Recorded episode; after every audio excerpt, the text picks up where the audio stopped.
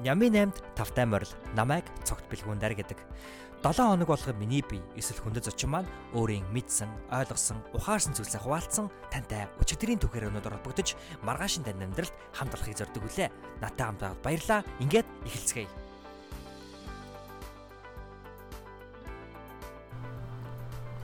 Сидней, Мумбай, Сингапур, Дубай зэрэг хотуудад салбар сургуулиудтай дэлхийн топ 20 бизнесийн их сургуулийн нэг болох SPJN School of Global Management сургуульд тэтгэлгээр суралцдаг Батбаатар овогтой Батуянгатай бид инхүү Нямин 8 подкастынхаа 52 дугаар дугаараар та бүхэнтэй хамтдаа учран золгож байна.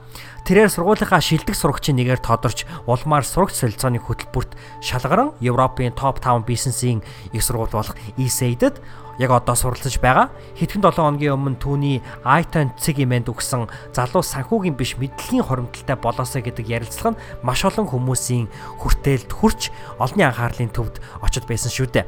За тэгэхээр энэхүү дугаараараа бид юуны тухай ярилцсан бэ гэхээр сонголттой эзэн байх тухай, тав тухгүй бүс рүү өөрийгөө түлхэж ямар ч нөхцөл байдлыг гартаа авсан туршлага, санаанд багтсан зүйл биелэлээ олдог тухай түүх, эргээд харахад харамсахгүйгээр амьдрах тухай буюу зориг өөдөө татах хүч болон мотивац буюу сэтэл гэдэг түлхэх хүч зэрэг зүйлсүүдийн талаар ярилцсан иймэрхүү дугаараа байлаа. Тэгээ хэдүүлээ энэ дугаар руугаа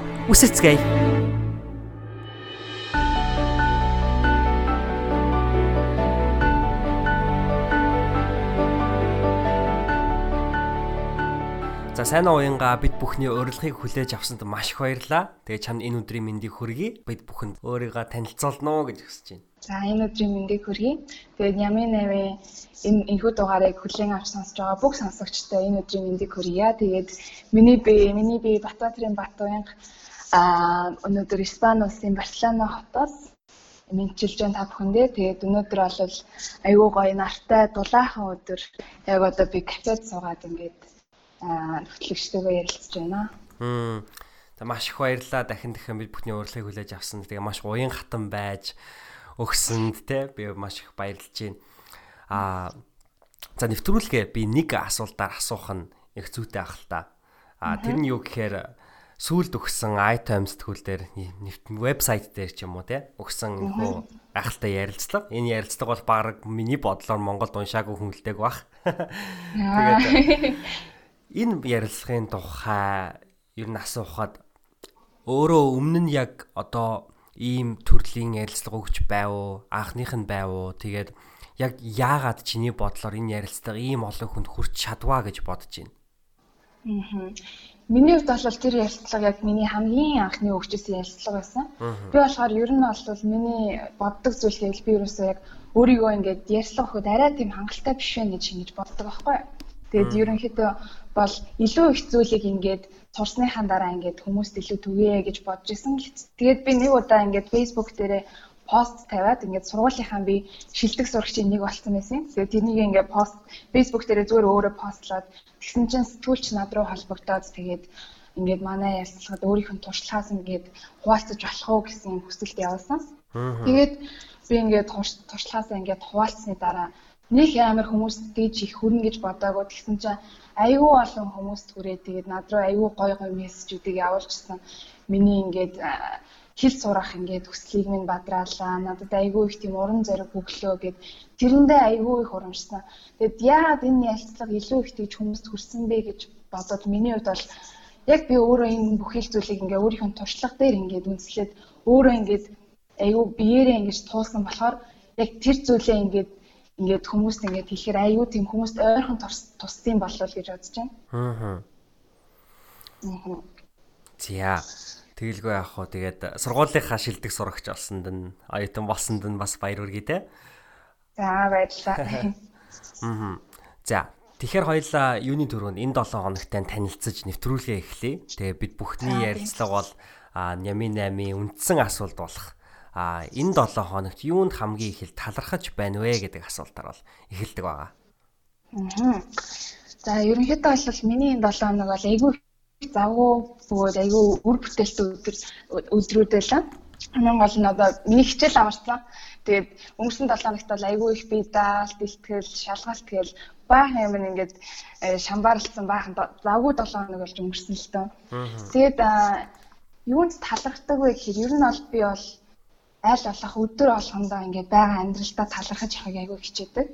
Тэгээ гоё гэр бүлтэй байгаа, сайхан сургууль, сайн боломжтой эзэмшээд ингээд өөрийнхөө боломжийг ашиглаад айгүй олон орнуудад ингээд сурч явж байгаа. Ингээд үзий хүртэл хийсэн бүх зүйлүүдэд айгүй талархаж явахыг хичээдэг. Тэгээд энэ 7 хоногт хамгийн их талархсан зүйл гэвэл ерөнхийдөө бол яг юун дээр илүү талархдаг гэхээр би яг одоо ингээд Барселонад ирээд Исада гэдэг одоо Европын тэр нэг баг энэ ч бол Исадагийн миний сурч байгаа сургууль бол Барселонад нэг номерт орд юм билээ. Бизнесийн сургуулаараа. Тэгэд энэ энэ сургуульд ингээд сурж байгаа яг одоо ингээд миний би Монгол улсын иргэн гэдэг ингээд Батбаатарын Батбаян гэдэг хүн тэр сургуульд ганцаархнаа Монгол улсаа төлөөлөөд тэнцээс сурж байгаа тэр зүйлээр айгүй их ингээд би баярлалаа. Гэтэ тэр зүйлээрээ баярлах нь яагаад вэ гэхэд би тэр зүйлд ингээд хүрэхэд хүргэсэн одоо хийсэн тэр сонголтондоо айгүй их баярлалаа. Яагаад гэвэл яг ингээд манай сургуулийн хөтөлбөр болохоор эхний жилдээ Сингапурт, хоёрдугаар жилдээ Дубайд, гуравдугаар, дөрөвдүгээр жилдээ Австралид гэсэн тим юм хөтөлбөртэй бизнесийн юм цогц хөтөлбөртэй юм сургууль ахгүй. Тэгээд ерөнхийдөө бол дөрвөн жил гурван усад сурна гэдэг бол аюул том боломж. Тэгсэн чинь манай сургуульд эхний жилдээ хүүхдүүдэд болохоор дөрөв дэх усад ингээд сурах боломжийг олгодог. А гэхдээ мэдээж хүүхдүүдийг ингээд шилж ингээд хамгийн шилдэг манай сургуулигаа төлөөлж чадна гэсэн хүүхдүүдийг ингээд шилж айгүй тийм том процесс болж ингээд явагддаг байхгүй. Одоо жишээлбэл тэр сургуульд сурахын тулд бид нэр дахиж нэмж хэдэн мянган хүүхдээ эсээ бичсэн, маш олон даваануудыг даас одоо ярилцлага өгсөн, дахиад нэг шалгалт өгсөн. Тэгээд энэ процесс ингээд хүрэхийн тулд ингээд яг ингээд тэр сонголтыг хаачаад ингээд би найзуудаасаа одоо чи энэ exchange хөтөлбөрт ингээд сурч цалцаар хөтөлбөрт явах уу гэж аюу олон найзуудаас ингээд ангийнхаа сургуулийн найзуудаас сухаар за ярьшиг ярьшиг угаасаа тэнцэхгүй юм чинь. Эсвэл амар их ажил болох юм биш тий. Амар хэцүү байна гэж айгүй хүүхдүүд тэгжсэн яг миний ингээд эргэн тойронд байгаа хүмүүс. Тэгээд яг ингээд бүр өөртөө айгүй ихтэлтэй байгаанууд нь шууд ингээд тэр шалгаруулт ингээд орж ирсэн. Би болохоор зүгээр л угаасаа ингээд анханасаа надад ийм гой боломж байхад тэнцэхгүй ч байсан тэнцэгч байсан зүгээр л ороод үзье. Угаасаа тэнцэхгүй байвал би өөртөө гомдохгүй өөрийгөө голохгүй яагаад гэвэл би тэнцэхгүй байсан ч гэсэн би ядаж нэг зүйл ч гэсэн тэрнээсээ ойлгож байгаа юм. Ядаж тэр нэг асуултанд нь хариулаад эсэндээ бичиж байхад хүртэл ингээд надад илүү өөрийгөө ингээд ойлгож ингээд нэрээ бодоогүй зүйлүүд ингээд бодуулах тийм аюу их боломжуудыг олгож ирсэн. Тийм болохоор ердөөсөө л оролдоод үзье гэдэг тэгээд орсон. Гэхдээ яаж ч юм ингээд би эхлэхээс өмнө аюу тийм өөртөө ингээд ихтэлтэйсэн. Гэхдээ тэр нь болохоор юм бардамнаж биш зүгээр л ингээд нэг чадчихсан юм шиг тийм нэг юм итгэл надад төрөөдсөн байхгүй. Зүгээр яг яг л надад юм боломжгүй зүйл байхгүй юм шиг санагдаад ингээд яа даа ингээд би зүгээр бүх бүхчээд ажиллаад ингээд хичээгээд үзье.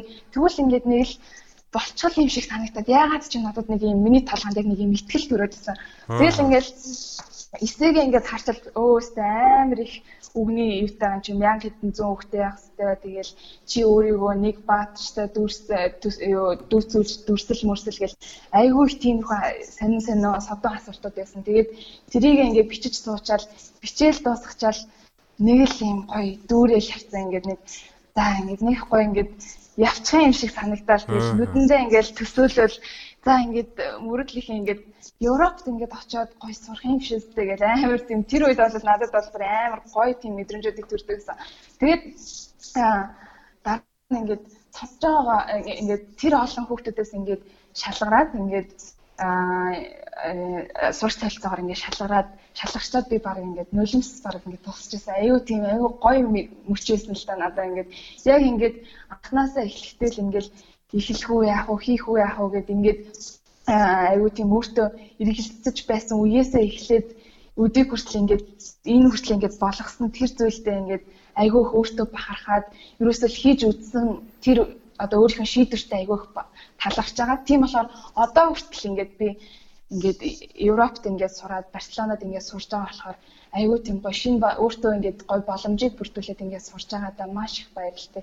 Тийм болохоор би би бол яг одоо өнөөдөр ингээд Барселонад өнгөрүүлж байгаа өдөр болгондоо түншлээ усрах цалцаанд ингэж зориг гаргаад айж суулахгүй ингээд зориг гаргаад ингээд бүртгүүлсэндээ айгүй их баярлагдав. Тэр тэр сонголтонд. Аа. Тийм. Хм маш гайхалтай хариулт байна.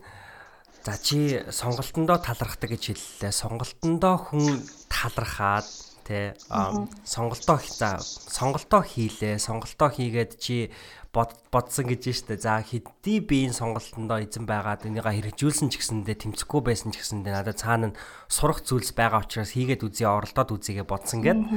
За хамгийн хэцүү нь ялангуяа сонголт хийсний дараа яг хийсэн сонголтоо амьдрал дээр хэрэгжүүлэхдээ яг түүнийга буулгах надад хамгийн одоо хүнд санагддаг. Тэгэхээр зэрэг чиний ингээ ярилцахыг уншиж байхад чи Сингапурт очоод тэр компани хаалгыг дотоод татаад те би танад ажилламаар намайг дадлагчаар аваач гэж хэлж исэн гэдэг жисэн. Тэгэхээр яг ингээд чи тэнд ч гэсэн бас сонголт хийсэн байгаа шүү те зуны амралтаараа Монголд очихын оронд тий. Тэр яг энэ сонголтыг чи яг хэрхэн зөрөгтэйгоор тэр тав тухтай бүсээсээ гаргаж хэрэгжүүлээд байна вэ? Миний бодлоор сонголтыг яаж хэрэгжүүлээд байна гэвэл ерөөсөө л би өөрөө өөртөө ингэж урам зориг өгч одоо миний уншиж байгаа ном, миний тэгж шүтэн болсон хүмүүсийн ингээд надад өгж байгаа зөвлөгөө ингээд тэр бүгдийг ингээд сонссоор агаад ингээд ягаад ч юм надад ингээд аягүй зориг ордог. Ялангуяа ингээд миний нэг одоо шүтэн хүн байт юм би ингээд яриаг нэг сонсдог. Gary Gary Vaynerchuk гэдэг одоо Беларусаас ингээд дөрүүж ирсэн Америкийн entrepreneur businessman хүн байдаг. Тэгээ тэр хүнийг бол би баг өдөр болгоо сонсдог байхаа.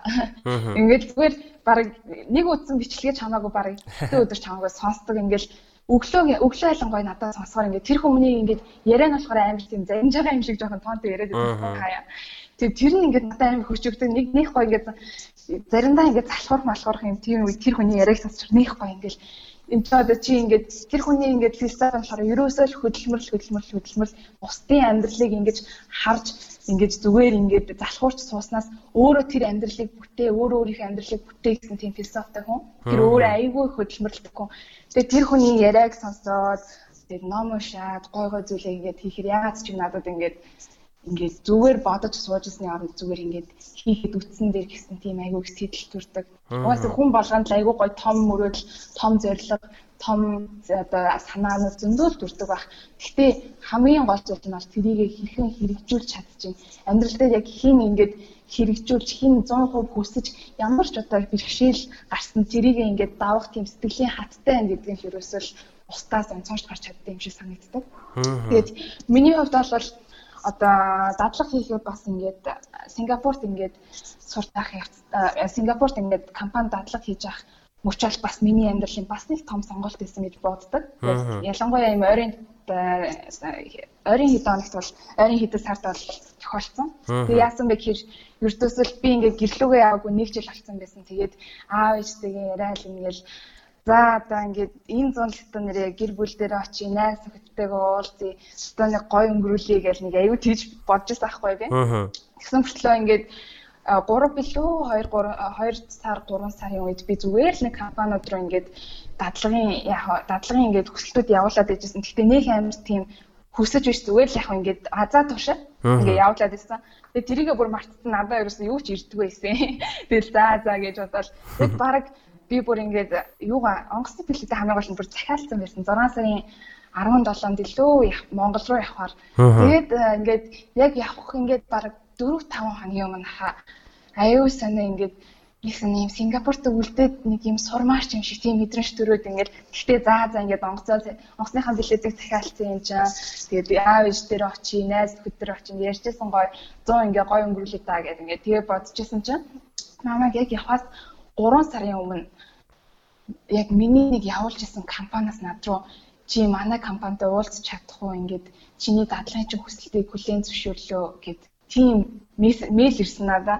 Тэр компани болохоор айгүй том компани байсан. Сингапуртаа нэлийн өндөр дуртай Carousel гэдэг одоо хуучин одоо application утасны application тэгээд хүн ингээд хуучин бараагаа заахыг хэрэгсэн бараагаа заахыг хүсдэг хүмүүс ингээд тэр бараагаа ингээд application тэр постлоо зараад аа ямар нэгэн бараг хямдхан үнээр авахыг хүсэж байгаа хүмүүс болохоор тэр аппликейшнийг хараад ингээ худалдаж явдаг тийм платформ.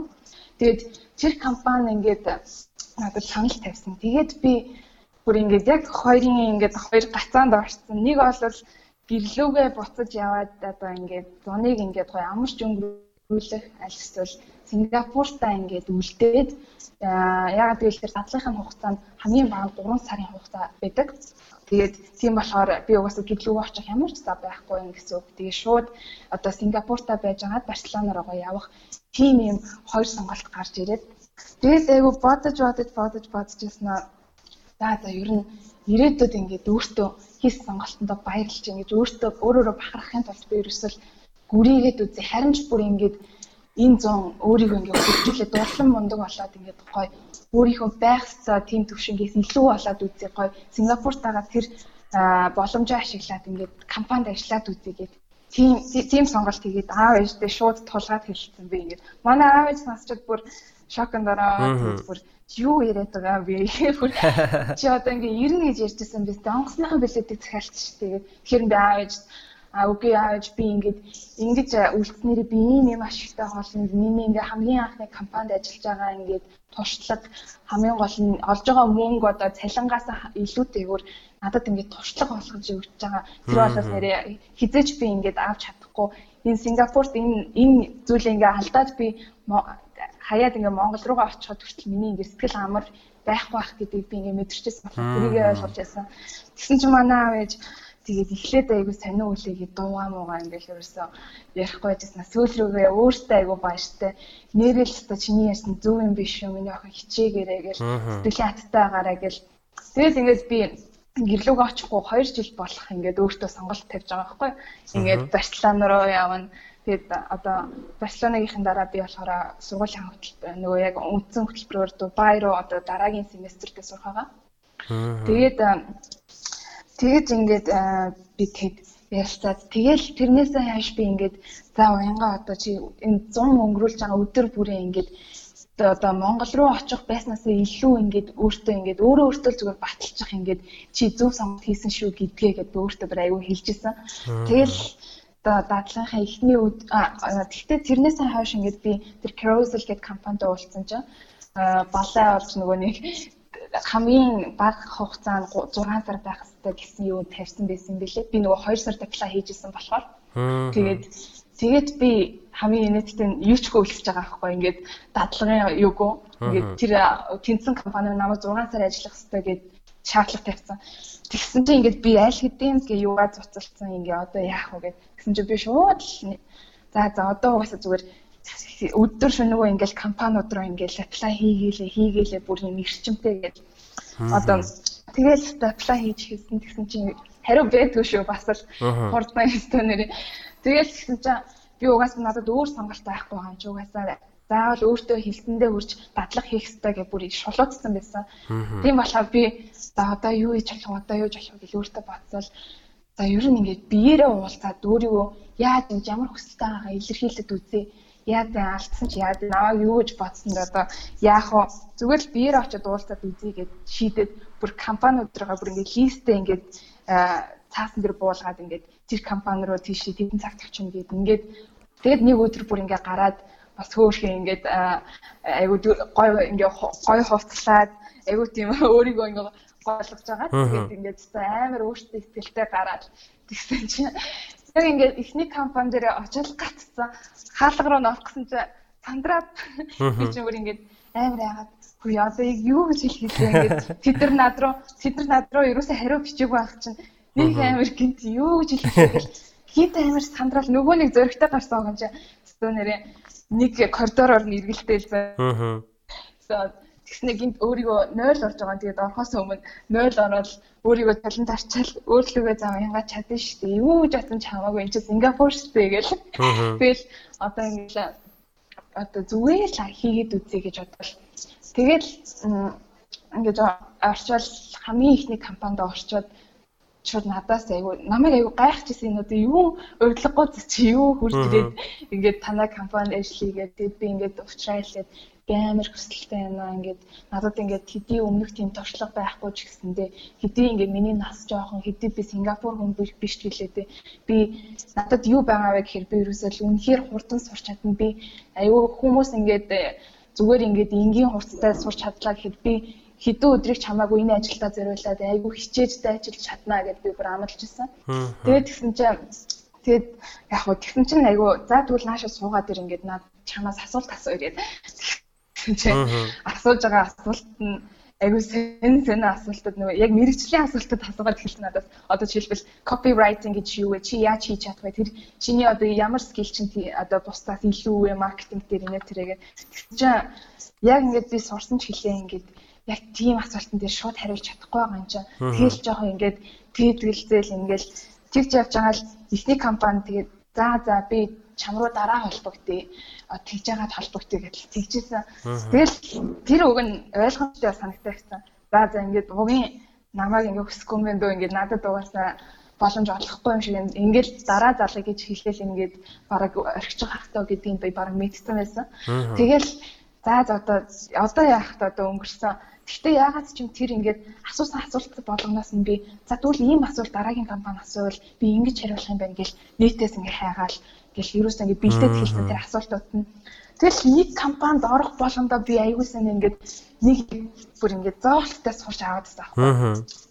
Тэгэд хамгийн инээдтэй ч хамгийн гоё нь одоо ингээд сүүлийн компаниудтай би аягуулсан юм ямар ч яаж зохиолсон ингээл юу ч асуусан ингээл амар тийм өөртөө ихтэй миний хэлж байгаа өнгө хайс хүртэл ингээл нэг бөө нэг ингээд нэг ярилцлаганд ороод сурцсан юм шиг ингээл чиний маркетинг гэж юу вэ гингөт би ингээл бла гэж шууд ингээл хариулаад тэгээд сүүлийн 3 компанид ингээд орсон чинь надад аюу намайг ингээд харчаар бүр ингээд таалагдаад намайг чи тэгвэл хизээ ажилдаа орох вэ? Маргаашнаас хэлж чадах уу гэд бүр ингээд тэгсэн чинь би ингээд бүр ингээд 3 компани ингээд сонголтонд орсон байсан. Аль нь ингээд орох уу гэд. Тэгээд тэр үедээ аюу их баярлдаг. Хэдий ингээд нэг компанидаа ингээд орчоод намайг ингээд бараг л миний нүдэн дээр ингээд намайг амьсан баггүй одоо ингээд за дараа чам руу залгая ингээд.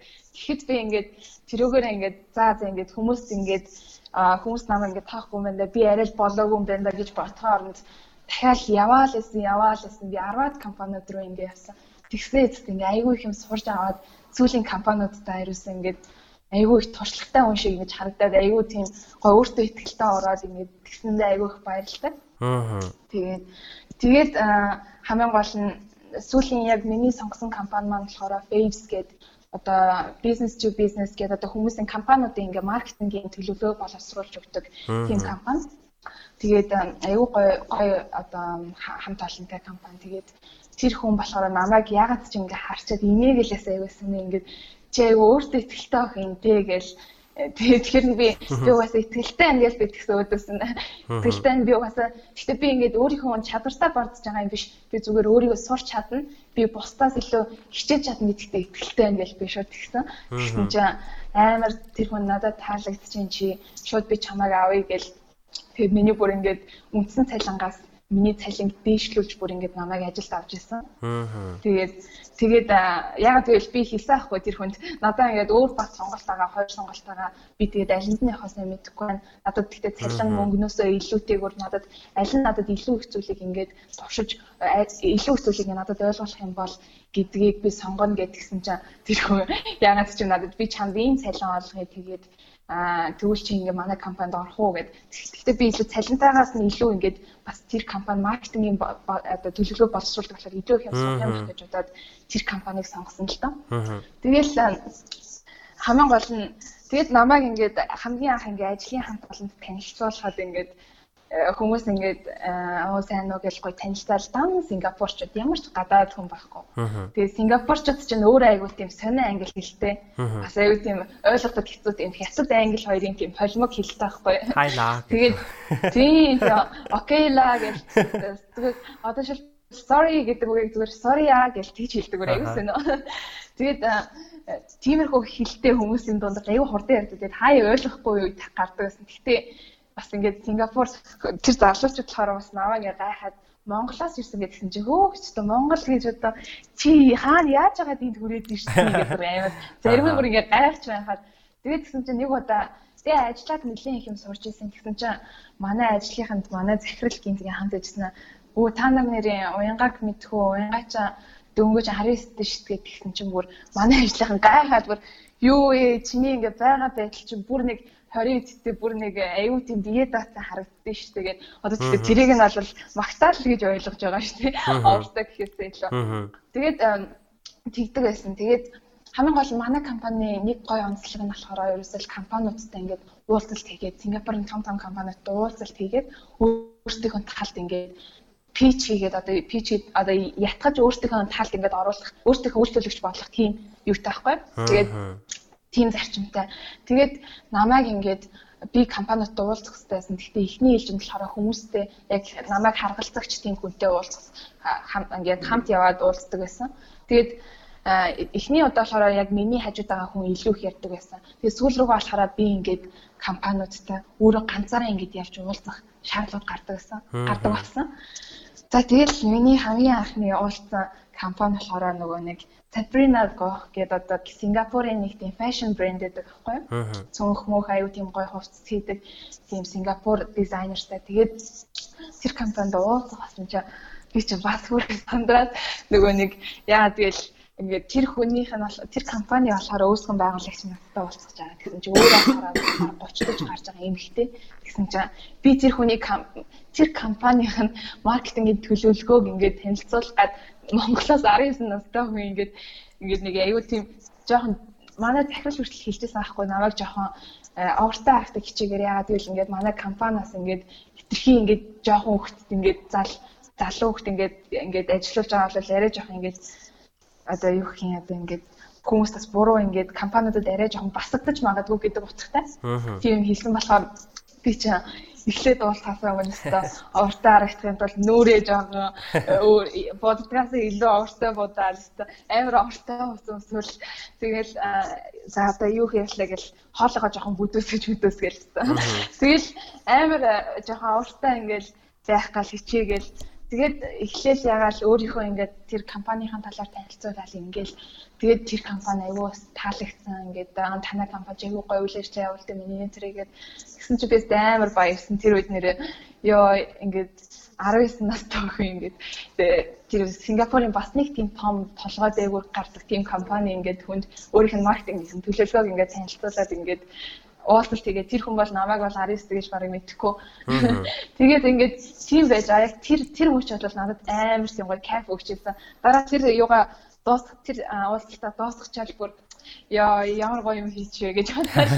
Тэгэл тэгэл аав ээж рүү залгаал би өстө ингээд намайг өстө мэдээгүй намайг 19 гэж бодоогүй нэ тэрэ гэж айгу тэгэл залгаал хэлээс тэр мөч айгу надад гоё дорсон зүйлсээсэн тэгээд тэр тэр мөч болгон намайг ингээд Сингапур одоо Монгол руугаа ингээд буцаад амархын оронд ингээд Сингапуртаа ингээд хөдөлмөрлөлөөд ингээд гоё хэм сурч байгаа одоо аюу тийм талархах гоё тийм мэдрэмжүүд өгсөн. Тэгээд би бол Сингапурт ажилладаг байхдаа аюу завгүй байсан. Бүр ингээл өглөө 8-аас ажилдаа очиж Сингапурын ер нь ажиллах тийм тогтсон цаг бол нэлийн урт байдаг. 8 цагаас 6 7 цаг хүртэл. Тэгээд би 8-аас 7 цаг хүртэл бараг ажилладаг байсан. Тэгээд тэрнийхэн дараа гэртээ ирээд тэгээд бас өөрийнхөө өөртөө цаг зарцуулаад дасгал хийн, ном уншин тэгээ аюу тийм гоё үр бүтээлтэй өнгөрөөсөн зов ном байсан л та тэрэндээ их баярлдаг.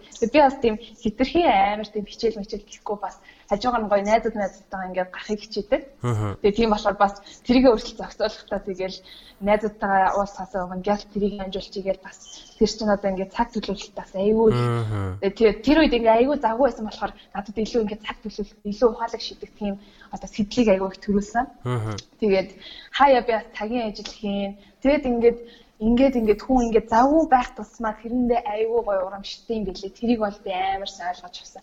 Ингээд хүнд ингээд юм хийхгүй залхуураад байх тусмаа ингээд хазгаараал за за ингээд тэгэд айгүй тэгдэм байлээ. Сая бас Барселонад ирсэн чинь жоохон тэгэх гээд байсан шүү. Нөгөө нэг ажил ажил байхгүй зөвхөн сурах байсан чинь нэг санаа өөрийгөө бас тийм бүр тийм дагуу байлгахгүй эхний эдэн хоног жоохон сонирн байж аваад одоо болохоор бас нэг буцаад хэрэндээ ороод айгүй гоё өөрийгөө хэдий одоо ажил хийхгүй байгаа гэсэндээ одоо ингээд гоё яг тэр боломжоо ашиглаад гоё ингээд сураад илүү зүйлийг ингээд сурахыг аягүй хичээдэг.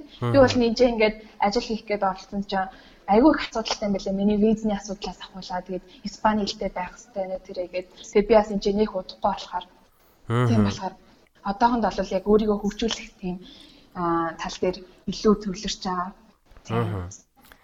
За би асуултаа маш гайхалтай хариулт авлаа. Үнэхээр маш гоё түүх байна. Тэгээ хамгийн гол нь чиний энэ түүхийг сонсоод маш их хүмүүст урам зориг өгч байгаа гэдэг нь бол би 100% итгэлтэй байна. Тэгээд амар гоё. Аа. Эргээд ингээд чиний яг энэ хөө Сингапурт өнгөрүүлсэн зуны энэ удирлыг харахаар те а чи түрүүнд дурдсан Gary Vaynerchuk-ыг баян сонсдог гэ түүний нэг баян хилдэг санаа нь юу гэхээр хизээж битгий харамсахгүйгээр амьдр гэдэг шүү дээ тий live without no regret тий тэгээ чи бол яг тэгж амьдрсан юм шиг санагдаж байна тэгээд манай подкастын маань 2 дугаар асуулт болохоор энэ 7 хоногт онцлог контент гэдэг. Тэгэхээр энэ Гаригийн контентууд чиний амьдралд ингэж нөлөөлсөнтэй адилхан энэ 7 хоногт чиний амьдралд нөлөөлсөн контент те энэ нь юу ч яж болно. Тэгээд тэр контентаа дурдвал юу авах вэ? контентын хувьд бол надад нэг кино удагдчихэв л та. Хамгийн түрүүнд болохоор тэр нь болохоор ерөөсө Homeless to Harvard гэдэг кино. Одоо монголоор орчуулвал одоо гэр одоо гудамжны тийм амьдралаас Harvard руу явах замд ч юм уу нэг тэгж орчуулагтаар кино байдаг. Тэгээд энэ киноны юуны тухай гэхээр ерөөсө бодит явдал дээр сэтгэлэгдсэн Liz Murray гэдэг одоо нэг эмэгтэй одоо амьдралыг өгүүлсэн кино байдаг. Тэгээд тэр эмэгтэй болохоор асар хүнд ийм амьдралд өссөн хүн эмэгтэй байдаг. Аав ээж нь хоёулаа ийм харт эмэгний донтой. Ээж аав нь хоёулаа тийм өвчтэй. Тэгээд айгүй тийм баг насны хүчирхийл донд дээрлэл хийлэл тэгэл айгүй тийм зовлон ядуурл донд өссөн хүүхэд байдаг. Тэгээд тэр хүүхэд болохоор ердөөсөө ингээд айгүй хэцүү тэгээд бүр ингээд бага ангитай хүртэл сурдггүй ингээд аав ээж нь хүнд хүчээр ажил хийлэгдэг. Тийм айгүй хэцүү байсан болохоор бага бага ангитай хүртэл ингээд сургуулаа хийсэн байжсэн. Тэгсэн чинь нэг удаа ээж нь ингээд ээж одоо тэд нар хүртэл ингээд хоол 7 хоногийнхаа хоолыг хүртэл ингээд тэтгэмжийн одоо монголоор бол хүүхдийн мөнгөндөө ингээд хүүхдийн мөнгөөрөө л ингээд болгодог одоо жишээлбэл. Эхний 5 өдөр цадгалуу амьдардаг байлаа гэхэд дараагийн үлдсэн 7 үлдсэн цагийн үлдсэн хоногудад бол дандаа л өндөг талхан дээр ингэж зоогоож амьдардаг асар тийм хүнд амьдрал дээр амьдарч исэн хүмүүс байдаг. Тэгсэн чинь тэр охины хүнд цохилт болохоор амьдралын нэг хүнд цохилт амьдралыг нь оронгоор нь өөрчилсөн хүнд цохилт болохоор ердөөсөл ээж нь өвчнөр насураад өөрөө ямар ч гэр оронгүй үлдээд гудамжинд ингээд гарсан тэр яг юм мөч байсан. Тэгээд тэр охин болохоор гудамжинд гарчаад ерөөсөл хоёр сонголт байсан. Яг ингээд ээжийнхээ яг ингээд бага одоо ээж аав нь ямар ингээд өөрт нь үлгэр дуурал үзүүлсэн тэр амьдралаар яг ингээд гудамжинд гараад ингээд хар тамхи татаад ингээд өнгөрөөлөх үү? Ингээд найзууд нь хүртэл яг тийм буруу замаар орсон яг ингээд хар тамхинд орсон тийм хүмүүс байсан. Эсвэл өөрийгөө өөр өнцгөөс нэгээд сургууль сурч үзэх үү боловсрал гэдэг зүйлийг авч үзэх үү гэсэн тийм хоёр сонголт тэр охинд гарч ирсэн. Тэгээд тэр охин тэр охин болохоор ердөөсөл нэг усын одоо ахлах сургуульд очиод намайг аваач гэдэг ингээ гуугаад яасан тэгсэн тэгээд багштай хэлээд их тийм хэрсүү шадран охин байсан. Тэгээд багш тэр сургуулийн багш нь болохоор айгүйх тохныг сонирхоод аваад тэгээд чи ингээд үзээ одоо ингээд эхнээс нь бэлдээ гэдэг тэр охин болохоор бүр тэр мөчөөс хохилоод одоо нэрээ хүмүүс ингээд ахлах сургуультай авдаг байсан хичээлийгээ давхар аваад бас хоцрогдсон бүх хичээлээ давхар аваад өдөр шөнөгөө ингээд сураад хажуугаар нь аяг тавг угаах тэр хар ажил юу вэ? Тэрийг хүртэл хийхдээ хүртэл ингээд цаасаа барайл юмаа уншаал гудамжинд хүртэл метроны буудлын дээр унтахтаа хүртэл ингээд юмаа зээжлээл ингээд уншаал айгүй тийм хүсэл мөрөөдөлтэй болж эхэлсэн. Тэгэд тэр охин ингээд миний нүдэн дээр тэр кинон дээр ингээд өөрчлөгдөд бүр сүүл рүү ингээд сургуулийнхаа топ сурагчтай нэг болоод тэгэд ингээд Харвардд ингээд New York Times-ийн одоо ийм тэтгэлэгт ингээд өөрийнхөө амьдралыг хилээд ингээд тэтгэлэг аваад ингээд дуустдаг л та. Би айгу товч ярьчлаа. Ер нь бол тэр тэр кино бол яг ингээд үзүүл амар гоё мэдрэмж төрүүлдэг. Ингээд нэгдүгээр надад юу ойлгуулсан бэ гэхээр ерөөсөл байгаль амьдралд амар тийм сэтгэл хангалуун байх хэрэгтэй юм байна. Хүн ингээд тэгж зовж ингээд тэр бүхэл тэр охины туулж байгаа зүйлүүдийг хараад өөрийгөө харахаар би ямар тийм гоё сэтгэл хангалуун надад идэх хоол байна, надад амьдрах байр байна, надад аав ээж минь бүх хайртай хүмүүс минь хажууд байна. Ийм гоё амьдрал хахад би ингээд яагаад энэ болохгүй юм болох байна гэж өөрийгөө ингээд голоод идэг байсан юм бэ гэд өөрийнхөө ингээд байгаа байдалтай амар гоё сэтгэл хангалуун амьдрах хэрэгтэй юм байна гэдгийг амар сайн ойлгосон. Тэгээд Liz Murray гэдэг хүн өөрөө сүүлд ярьцлага өгтөө хүртэл хэлсэн. Би хизэж аав ээжтэй ингээд гомддгүй. Манай ээж ингээд одоо тэр хар тамхиа авахын тулд манай ихч бид хоёрыг өвлийн хүүтэндээ ингээд өмсдөг байсан. Тэр өвлийн хүүртгээ хүртэл заахад би хизэж ээжигээ өрөвдөөгүй. Яагаад гэвэл хитэн ингээд тийм хэцүү амьдралд өссөн ч гэсэндээ хажууд минь тэр ээж аав гэдэг хүн минь хажууд минь байсан. Хажууд би миний хайртай хүмүүс байсан болохоор би хизэж дутуу юм шиг тийм мэдрэмж авдаггүй байсан. Би маш хангалуун амьдардаг байсан гэж хэлж байсан. Тэгээд тэрийг ингээд сонсчод би бүр би тэр хүн ингээд тэр амьдралдаа сэтгэл хангалуун байхад би ингээд өөрийнхөө амьдралдаа хаяа ингээд ян сэтгэл хангалуун байдаггүй байсан юм бэ гэж айгүйх бод ботод хүргэсэн.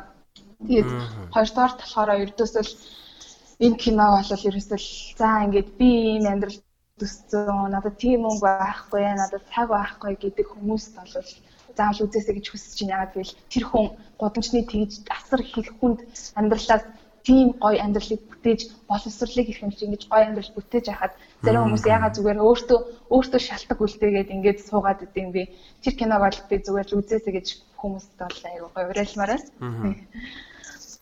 Тэгээд мэдээж хүн гэх юм бол мэдээж яг одоо бол түрүүн хэлсэнчлэн Gary Vee гэдэг хүн л айгу надад бодогдоод байна. Одоо энэ ярьлыг өхөөс өмнө хүртэл Gary Vee сонссон. Тэгээд ягаад ч юм ингээд ямар нэгэн зүйл хийхээс өмнө тэгвэл Gary Vee сонсчоор нэг гоё урам урам ороод явчихтээ. Тэгээд тэр хүн айгу тийм өөрөө Беларусаас дөрөж ирээд Америкт ирээд 3 сая долларын тийм аавынхаа одоо дарсны тийм бизнесийг 60 сая олгож хөгжүүлсэн. Тэгээд өөрөө Vayner Media гэдэг одоо компаниудын бас тийм маркетинг төлөвлөгөө боловсруулдаг тийм компанийг үүсгэн байгуулагч. Гэтэл энэ бүх амжилтаас илүү тэр хүний ямар амжилт надад таалагдсан гэхээр мянга мянган хүмүүст аюу тийм урам зориг одоо над шиг хүмүүст аюу тийм гоё одоо шүтэн бишрэгч юу гэдэг одоо үлгэр дуурайл нь болж өгч чадсан. Аюу тийм гоё тэр хүний нэг одоо тэр хүн болохоор ердөөсөө л өөрөө дандаа 7 хоногийн 7 өдөр 15-аас 16 цаг ингээд хөдөлмөрлөдөг гэж байгаа байхгүй.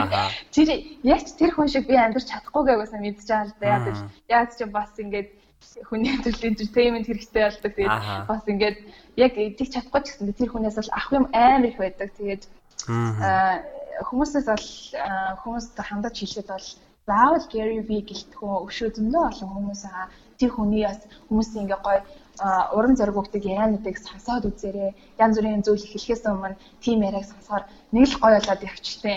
Би ч одоо өглөөг эхлүүлэхдээ ер нь бол одоо сургууль мөрөөр руу гарах гэж байхдаа нүүр мөрөө будаж байхдаа л одоо ингээл өглөөний уран зориг өгөх видео гэж зүгээр хамаагүй YouTube дээр яваал тэрийг сонсоо сууж идэв шүү дээ. Тэнгүүт нэх гоё сэргээл явчихтэй. Тэгээд тэр бол миний хувьд бол одоо таны төс түрүүн хэлсэнчлэн одоо хийсэн сонголтоо хийсэн сонголтоо ингээ хэрэгжүүлэхэд минь надад айгүй их тусалтай болов гэж айгүй боддог. Тэгээд тэр хүн болохоор өчигдөр нэг үтсэн одоо жишээлбэл бичлэг тэр хүний ярианы бичлэгийг сонсоод болвол одоо нэг охин тандаж хэлж байгаа тэр охин болохоор тэр охины болохоор ингээд амжилтанд хүрэх тэр хурцлдаг хүн болохоор Кардашны гэр бүл гэж хэлжсэн. Тэгсэн чинь Гэри Ви болохоор уурлаад чи ингээд айгүй жоохон загин жигин хэлээл тэгэл чи ингээд бусдын амьдралыг ингээд инстаграмаа ингээд залхуурч сууж ингээд ингээд бусдын амьдрал атаахаж ямар гоё амьдралтай юм бэ? гэд ингээд атаахаж сууж явах тэр цаг болгон чинь чиний ингээд өөрийгөө хөгжүүлээд өөрөө тэр гоё амьдралыг бүтээхтэй цагаас чинь хомсолж байгаа гэдэг чи мэдгүй. Чи ингээд бусдыг зүгээр ингээд өрөөндөө хийхтэй инстаграмаар одоо энэ юу өмсч энэ ямар гоё амьдралтай юм бэ? гэж бодож явах тэр хоор тэр цаг мөч болгон чи чам чиний ингээд үнтэй амьдралын цагаас ингээд хомсддог гэдэг ойлгох хэрэгтэй гэд тэр үг айгуух надад гоё. Өчигдрийн одоо жишээлбэл үтсэн бичлэгээс тэр үг айгуу гоё таалагдсан. Тэгэл тэр тэр хүн Gary Vee гэдэг хүн бол ерөөсөө л хөдөлмөрлө хөдөлмөрлө хөдөлмөрлө гэж тэгдэг. Ер нь бол тэгэд ерөөсөө 30 минут одоо жишээлбэл нэг гоё хөдөлмөрлчөөд тэрийг үр дүн үр дүнгээ хүлээн гэж байхгүй. 30 жил чи ингээд тэр зүйлээ одоо ингээд бууж гэлгүй ингээд одоо хийж иж Тэгээд тэрийг эхлүүлэхдээ тэр зүйлийг эхлүүлэхдээ хүртэл тийм одоо майндсет тэр бодол нь болохоор ердөөсөл уд нь би ингээд маш олон зүйлийг одоо ингээд э, одоо маш олон бэрхшээл, маш олон зүйлтэй тулгарна гэдэг тийм сэтгэлийн хаттай эхлүүлэх хэрэгтэй хэрэгтэй гэдэг ойлгосон. А яг хүмүүс хэлдэг шүү дээ одоо амжилт гэдэг чинь ямар нэгэн зүйлийн оргил яг үндэ бол биш. Тэрийг одоо ингээд тэрэндээ одоо хүрэхэд ямар их зүйлийг ингээд бэрхшээл одоо тул одоо туулгарч чадлаа тулгарч чадхаа ингээд эхлээд тооцоолоод тэрийг ингээд давж чадах тийм сэтгэлийн хат одоо байх нь бол ерөөсөө амжилтын үндэс байдаг. Яг хүмүүс одоо жишээлбэл тури тури тури л гэдэг. Тэгээ яг үндэ бол тэр турах гэж байгаа хүмүүсийн цаана өчнөө олон цагийг фитнес, өчнөө олон цагийг ингээ гүйж, өчнөө олон цагийг хөлмөрлөж хөрсөө урсган байж ингэж тэр үр дүн хүрдэг гэдгийг хүмүүс эхлээд ойлгох хэрэгтэй. Тэгэхгүй би гоё турмаар байна гэд ингээд зүгээр л өөртөө зориг тавьчин. Тэгэнгүүт хүмүүс за тэр зориг нь хизээч үйлдэл болохгүй.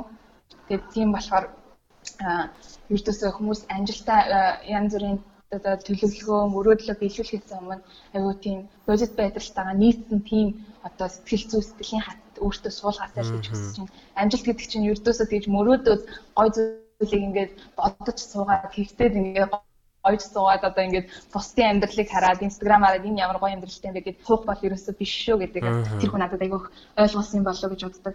Жишээ нь одоо англи хэл одоо сурах миний явц бол би цэвэр одоо англи хэлийг өөрийн өөрийн гараар сурсан. Одоо ингээд надад бол би бол нэг тийм одоо олон улсын сургуулиуд бол одоо юу гэдэг нь тэрэнд бол сураагүй. Би яг л одоо TOEFL-ийн тэр одоо дэлхийн топ сургуулиудад ордог тэр одоо оноог авахд тэгээд авахд хангалттай борох тэр зам хүртлээр би яг тгээсээ эхлээд тэр зам хүртлээр би англи хэлийг цэвэр өөрийн гараар ингээд сурсан байхгүй. Одоо ингээд ямар нэгэн сургалтанд сурахгүйгээр.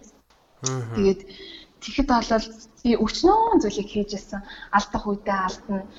Гудамжинд хүртэл хаяа ганцаараа ярьдаг байсан. Одоо жишээлбэл нөгөө англиар надад англиар ингээд ингээд одоо шууд ингээ ярих хүн байдгүй байсан болохоор би подкаст англи хэлээр подкаст сонсоод дараа нь өөрөө ингээл ганцаараа англи хэлээ ингээл англи мэддэг өгнүүдээ ингээл холбоол гудамжинд хүртэл ингээ ганцаараа явж байгаа өөрөө өөртөө ярьж үзэл.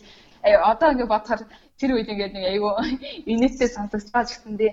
Тэр үе болгон минь надад айгүй үнцэнтэй байдаг. Надад боломжгүй зүйлийг гэж байдгүй шүү гэдэг надад айгүйх ойлгуулж гисэн. Одоо жишээлбэл би автобус нь ярилцлагандаа ингээд орж явахдаа хүртэл би хэлжсэн автобусанд сууж байхдаа бол подкаст сонсдог, бичлэг сонсдог гэдэг.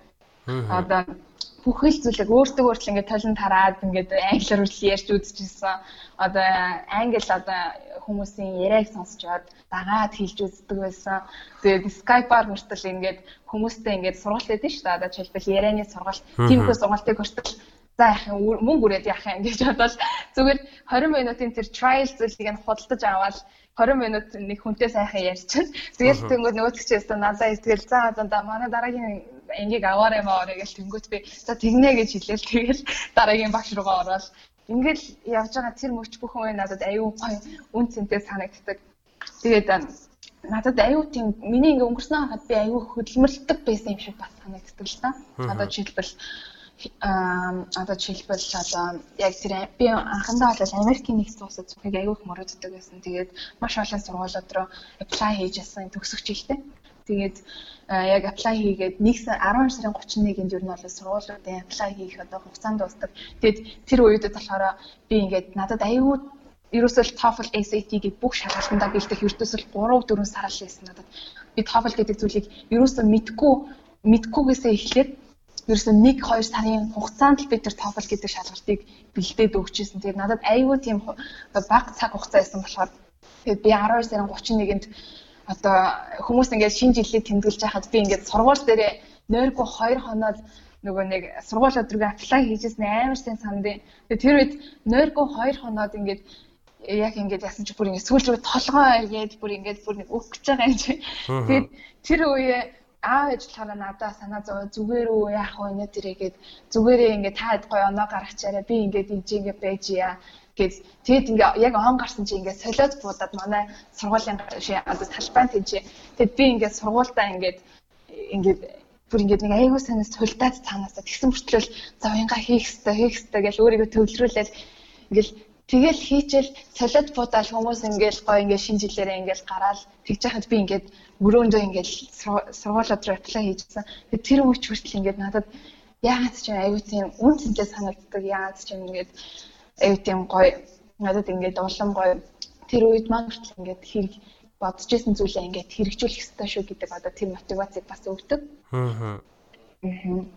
Тэгээд ерөнхийдөө бол а эхлээд одоо TOEFL-ийн оноод гэхэд би эхлээд TOEFL-ийн 88 оноо авч ирсэн. Тэгээд тэгсэн мөртлөө ингээд өвшөө одоо тэр Harvard эдэрт ороход ингээд 100 100-аас дээш оноо авах хэрэгтэй. Тэрэндээ хүрэхийн тулд би бас дахиад ингээд хичээгээл аваад тэгээд хамгийн сүүлд ингээд би яг TOEFL-ийн 100 авч ирсэн байхгүй.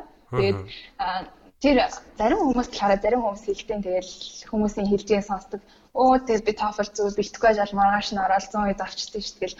Тэр хүмүүсийн хувьд бол би шал өөр замаар 100 авч ирсэн болохоор миний хувьд ингээд тэр өнө амар үн цэнтэй байсан. Тэгэл ингээд би ингээд 100 88 авч өгснийхээ дараа ингээд бүр ингээд бурхнаас аюултай гуйжсан аахгүй.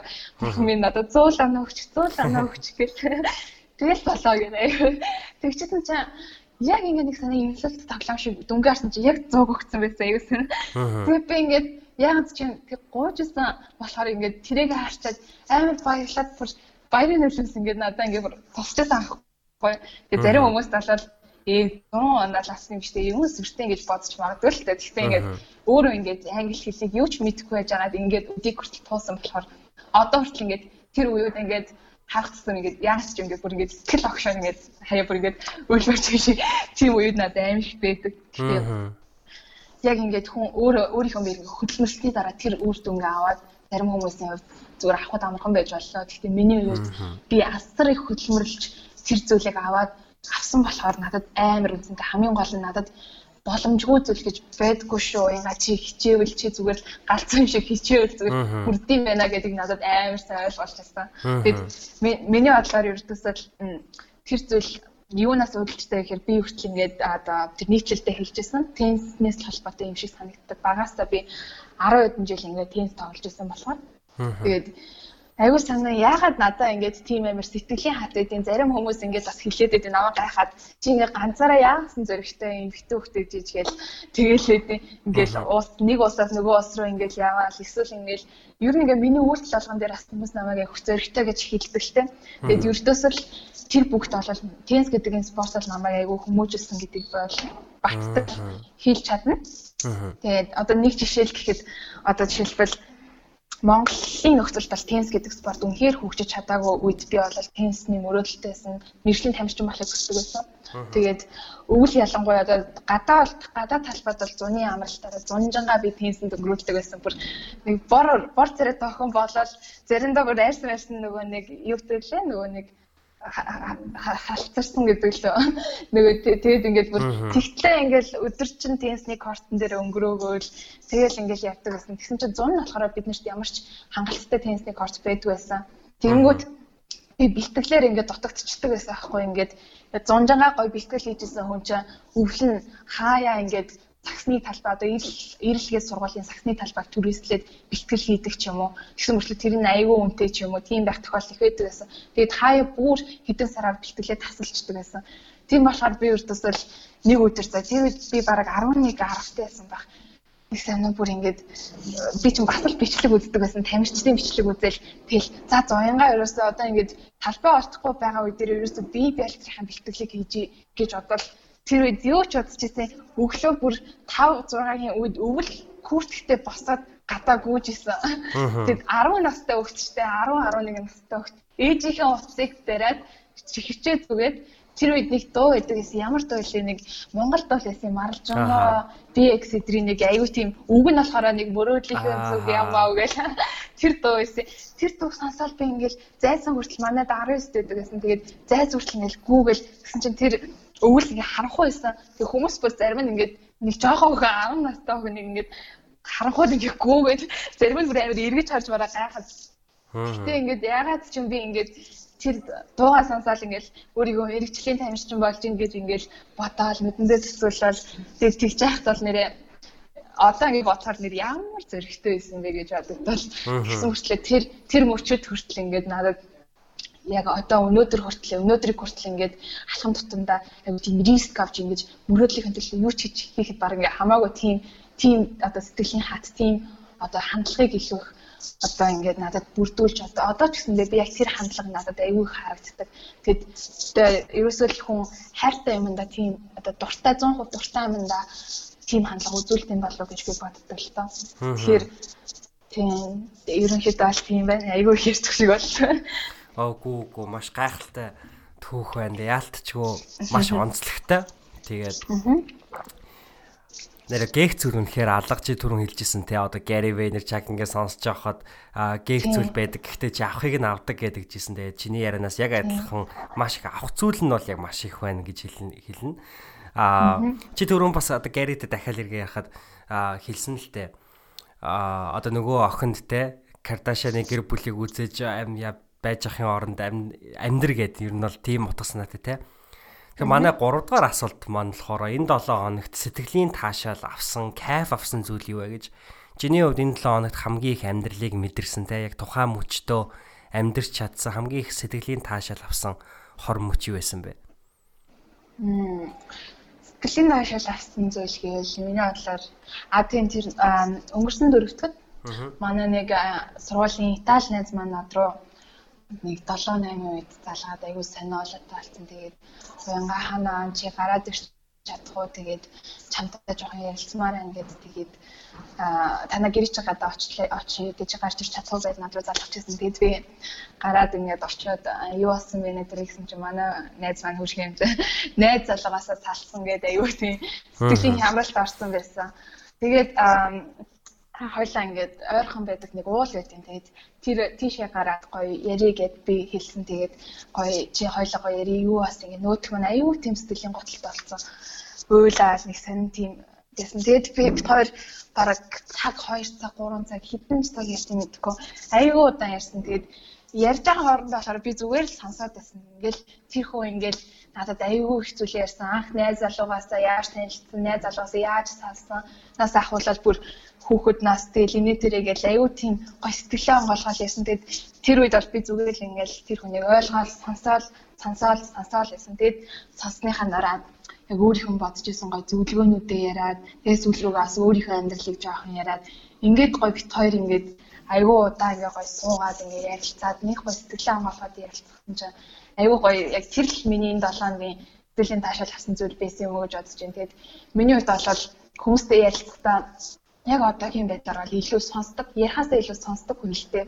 Яг ч юм ингээд би бас тийм философитой одоо ингээд тийм боталтай дээ нөгөө нэг хүн ингээд яриад байх юм бол ингээд яг мэддэг зүйлээ давтаал хэлээлэн а харин хүнийг сонсоод байх юм бол хүн илүү их мэдлэгийг авдаг илүү зүйлийг шинийг ингээд олж чаддаг гэх. Тийм болохоор ялангуяа миний ингээд нөхцөл олон гадаад хүмүүс, олон дэлхийн өнцөг бүрээс ирсэн тийм хүмүүстэй уулзж байгаа. Тийм болохоор тийм хүмүүсийн соёл, тийм хүмүүсийн амьдралыг ингээд сонсоод явж байгаа айгүй надад гоё яадаг. Тийм болохоор ярихаасаа илүү тэгээд би яг одоо сонсдог. Тэгээд бүр тэгээд сурцсан. Тэгээд одоо ингээд тэгээд сонсоход ч бас урлаг байгаа шүү дээ хүмүүс ингээд тийм үг гэдэг шүү дээ нөгөө хариулахын тулд сонсох биш одоо ойлгохын тулд сонс гэдэг тэрэн шиг би илүү их ойлгож ингэж сонсдог. Тэгээд ер нь бол миний давуу тал гэх юм бол илүү би хүнийг сонсож чаддаг байх гэж би боддог л доо. Тэгээд тэгээд тэрэн шиг ингээд тэр охиныг бас сонсоод ерөөсөл тэр охноос хүртэл ингээд надад ягаад ч юм нэг сурц зүйлүүд бас их байгаа юм чинь ингээд тэр хүн ч гэсэндээ ингээд амьдралын зам шаал өөр ингэж яваад Италид ингэж тэгэж өсөөд ингэж яваад тийм залуутай уучраад яг хүртэл надад аюу гоё байгаа юм чи баг нэг ном уншсны дата ингээд нэг хүний амьдралыг ингээд сонсож байна гэдэг чинь надад аюу гоё зүйлүүдийг бас ингээд өгдөг гоё мэдрэмжүүдийг өгдөг.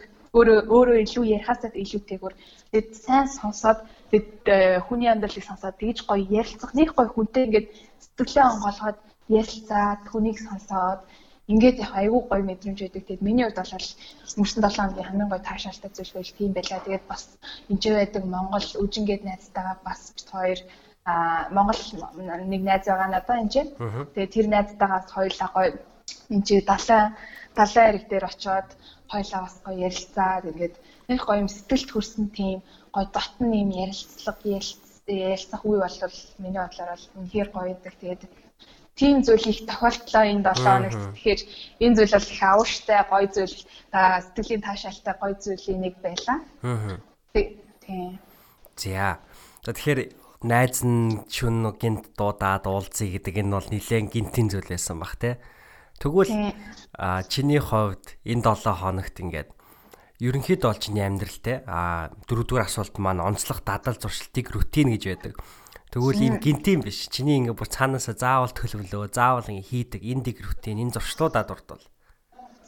Мм за. Ерөнхийдөө бол миний хувьд одоо сүүлийн үед ийм одоо зүйлийг байрлах чаа нэг зүйл хаанаас уншснаа сайн санахгүй хүний яг өдрийн болол эхний нэг цаг сүүлийн нэг цаг хамгийн чухал зүйл байдаг өглөө босоод эхний нэг цаг чинь ямар байна тэр өдрийг тодорхойлж чаддаг. А харин унтаасаа өмнөх нэг цаг бол ерөөсөл маргааш өдөр ямар байх, чиний хэр тав тухтай ингээд амарч чадах тэр зүйлийг чинь бас тодорхойлж чаддаг гэж нэг ханаас уншсаасаа санахгүй уншиж ирсэн. Тэгээд э, тэрийг ер нь бол уншсны дараа ер нь бол эхний нэг цаг олол ердөөсөл хамгийн гоё гоёор хэлхийг хичээдэг хамгийн нэгдүгээрт төсөл ингээд гоё өөртөө баярлаж. Гэтээ би бол яг яг чаддаггүй маа гэдэг нэг амар гинт ингээд босчоод өөртөө баярлаад тэгэхгүй. Гэтээ ингээд айгүй гоё тэр бас арай жоохон хотлаагаад гэдэг надаа тэгээ ямар ч гэсэн ингээд айгүй тийм гоё өөдрөг босог ямар ч гэсэн хичээдэг. Тэгээд тэр нь надаа ингээд одоо би сүүлийн үед болохоор зүгээр ердөөсөл дасгал хийж дасгал хийх хичээдэг байсан босчоод тэгээд нэг зүйлээс уншиж ирсэн судалгаагаар бол өглөө дасгал хийжсэн. Одоо хүмүүсийг групп хуваагаад өглөө дасгал нэгийг нь 7 цаг дасгал хийлгүү хүлээд нэг группыг нь болохоор нэг өдрийн нэг цаг дасгал хийлгүүлээд нөгөө группыг нь болохоор оройн 7 цагт дасгал хийлгүүлсэн чинь өглөөний 7 цаг дасгал хийжсэн тэр хүмүүс болохоор бүтээн чинь 75% их байсан. А дээрэс нь орой илүү тийм тав тухтай унтаж чаддаг. Тэрийг одоо эрдэмтэд ингээд судалсан одоо баталсан байгаа юм л та. Тэгэхээр миний яг тэрийг ингээд уншны дараа тэр чинь бараг саяхан шүү дээ. Тэгээд би ойрын үед одоо босчоод ер нь бол зүгээр дасгал жоохон хөнгөн ч юм уу те ингээд дасгал хийхийг хичээдэг болсон одоохонд бол хэрэгжүүлж байна одоо хэр тооштой хийхээс мэдэхгүй юм. Тэгтээ ямар ч байсан одоо бол яг хэрэгжүүлж явж байгаа. Тэгээд хоёрдугаар дадал зурш гэх юм бол ердөөсөө аа одоо утсыг одоо унтахаас өмнө жоохон хол тавихыг хичээж байгаа. Ягаад гэвэл хүн ингээд босчоод одоо ойрхон тавиал маргааш өглөө босчоод ерөөсөө автоматар ингээд утсаа ингээд шалгаад Тэгэл нөгөө нэг яг л нөгөө хэв тэгэндээ орчдөг ингээл Facebook дээр notification ирээл, Instagram дээр notification ирээл. Тэгээд ингээд өглөө ингээд team зүйлд ингээд санаа зовоод ингээ ингээ авчихаар үүрт дамжиж нилээ мууддгийг айгүй анзаарсан. Тэгээд тэрийг би ялгааны хэсэнд өөр анзаарсан л да. Тэгээд би сүүлийн хэдэн хоногуд болохоор ердөөсөл уцаа жоохон хоол тавиад тэгээд босчоод ерөөсөө нэг амар уцаа олдохгүй тэгээд ингээд засал масал хийгээд өглөө босоод ингээд сайн агаа угаад ингээд ирсэн чинь миний бодол санаа урт арай нэг өөр юмдээ зөвлөрч байгаа юм чинь. Тэгэхгүй ингээд өглөө босчоод шууд уцаа ингээд үзээд хаар одоо нөгөө нэг тэр миний зурган дээр ингэж ингэж тэгэж тэр тийм мессеж явуулж гээл тиймэрхүү юм дээр айгүй их ягаад гэдэг болохоор хүмүүстээс гоё тэрийг ядаж нэг тошиж үзээр айгүй их тийм өөрчлөлтийг нь бас мэдэрсэн байл шүү. Би бас өөрөө яг ингээд өөрчлөлтийг нь өөрийнхөө биеэр мэдэрсэн болохоор.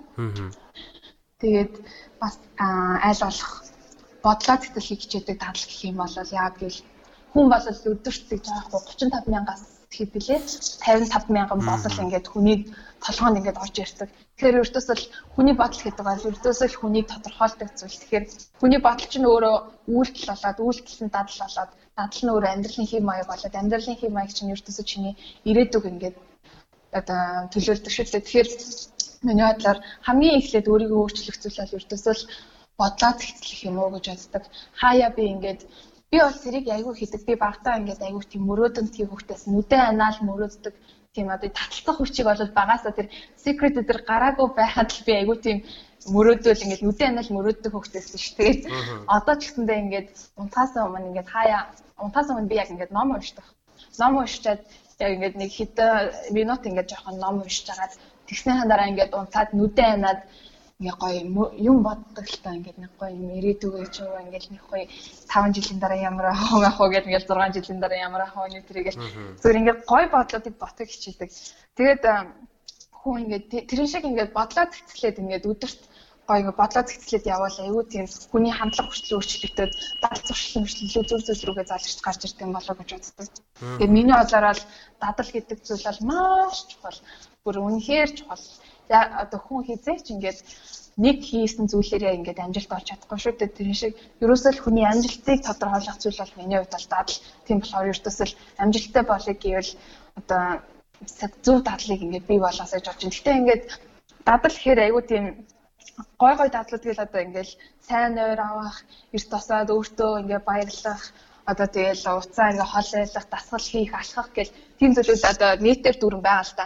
Хамгийн гол нь хэрэгжүүлэх нь л хамгийн чухал. Тэгэхээр тэрийг ингээд өдөр өдөр болон хийж чадчих. Тэр л чухал. Тэр бол маш чухал.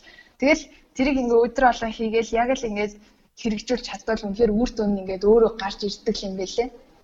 Тэгээд олон хүмүүс ингээд гаргадаг алдаа бол мэдээд байдаг тэр ингээд зөв тэр дадлыг ингээ байх хэрэгтэй шүү гэдэг амьдралдаа байх хэрэгтэй шүү гэдэг мэдээд байдаг хэрнээ ерөөсөө яг амьдрал дээр гараад ирэхээр хэрэгжүүлэх дээр алддаг эсвэл шантардаг эсвэл ингээ замаасаа буцдаг нэг тиймэрхүү хандлага айгүй харагддаг би ч гэсэн өөрөө хаяас тийм зүйл гаргадаг болохоор бас мэдчихээн л да Тийм.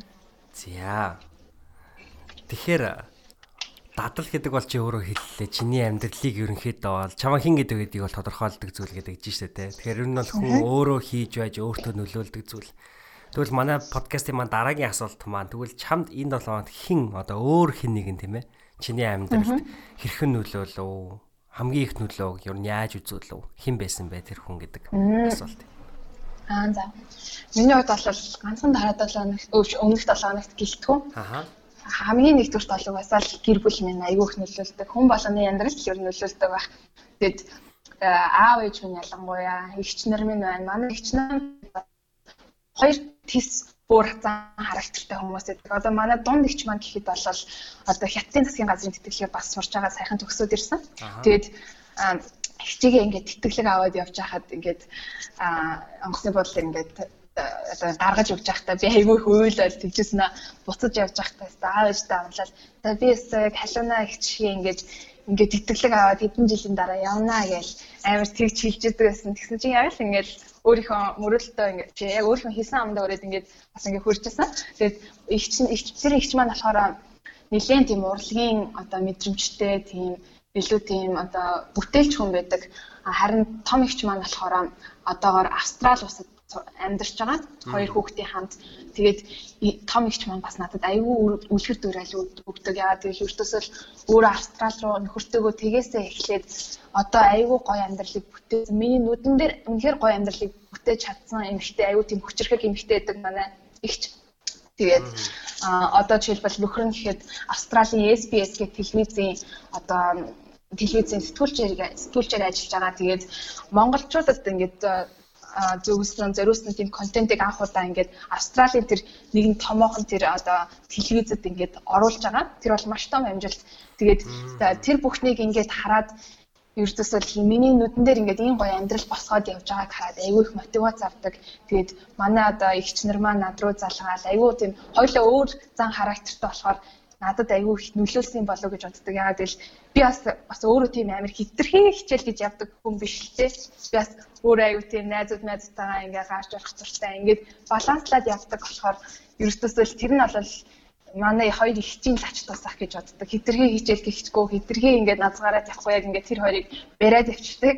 Тэгээд аав ээж маань бас айгүй их нөлөөлдөг. Ерөөсөө л аав ээж минь надад үзүүлдэг ихтгэл Тэгээд өдрө болгон баг ярьдаг над руу залгаал тэгэл юу болж ингээл тэгэд надад өгсөн хүмүүжил нь болохоор ердөөсөл өөрөө л бие дагаал ингээл явцсан явуулсан. Тэгээд хамгийн баяртай юм нь үнэхээр их баярлаа аав ээжтэй намайг ингээд спортоор хичээлүүлсэн.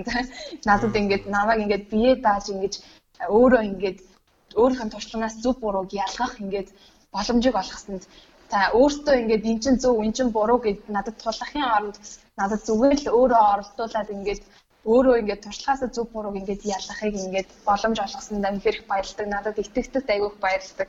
Тэгээд ингээд хаяа өвчл ингээд боддtiin. Аав ээж нь ингээд аав ээж надад айгүй их зүйлийг зориулдаг болохоор ингээд дуртхан шиг ингээд яг тэдэндээ ингээд харуулад тэднийхэн төлөө маш их зүйлийг зориулах юмсан ингээд яаж ингээд үнэхээр их бид миний төлөө бидний төлөө ингээд их зүйлийг зориултыг мэддэг болохоор хүртэл ингээд би одоо жишээлбэл өөрөө хүртэл ингээд мөнгөний мөнгөндөө хүртэл айгүй хариуцлагатай ханддаг ингээд ямар зүйл дээр үрэх үү, ямар зүйл дээр үрэхгүй байх уу. Энэ тэр аав ээжигээ илүү их зовоочгүй ингээд аль болох өөрөө бие дагаад ингээд амьдарчих юмсан.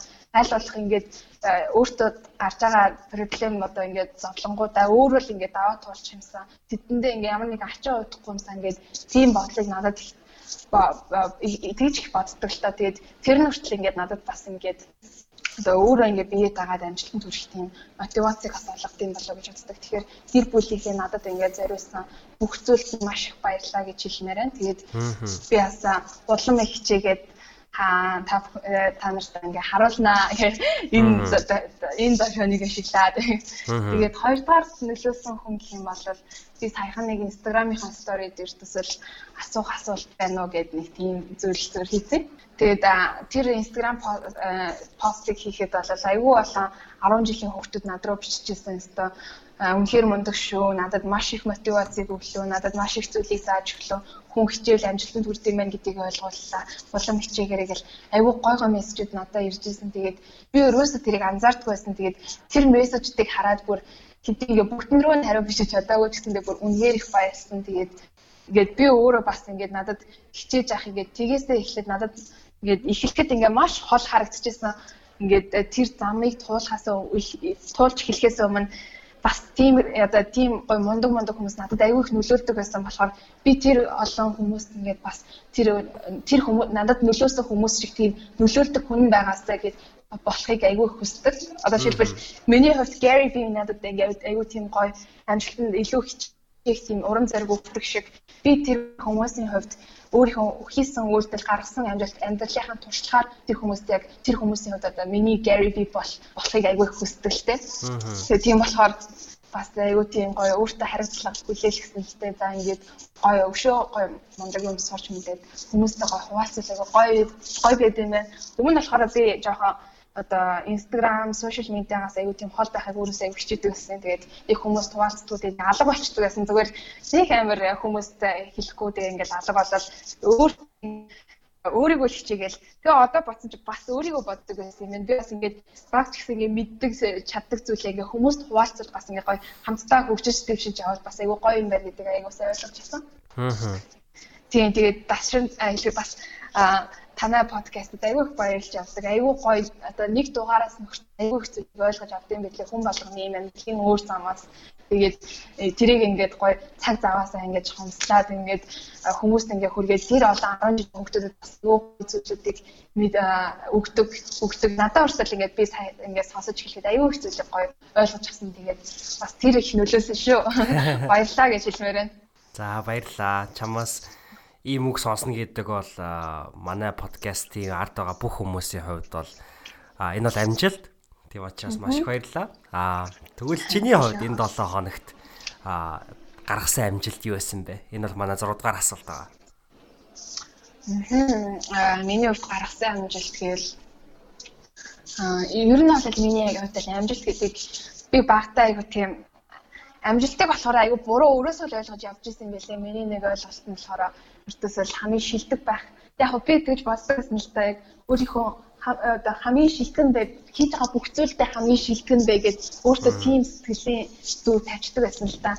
Гэхдээ тэр хэдий зөв намайг аягүй гоё төлөвлөж залгаж өгдөг ч ихлэ хажуугаараа бас өөртөө тийм сэтгэл хангалуун биш байх тийм зүйлийг бас аягүй тийм зүйлийг гардыг бэлээ.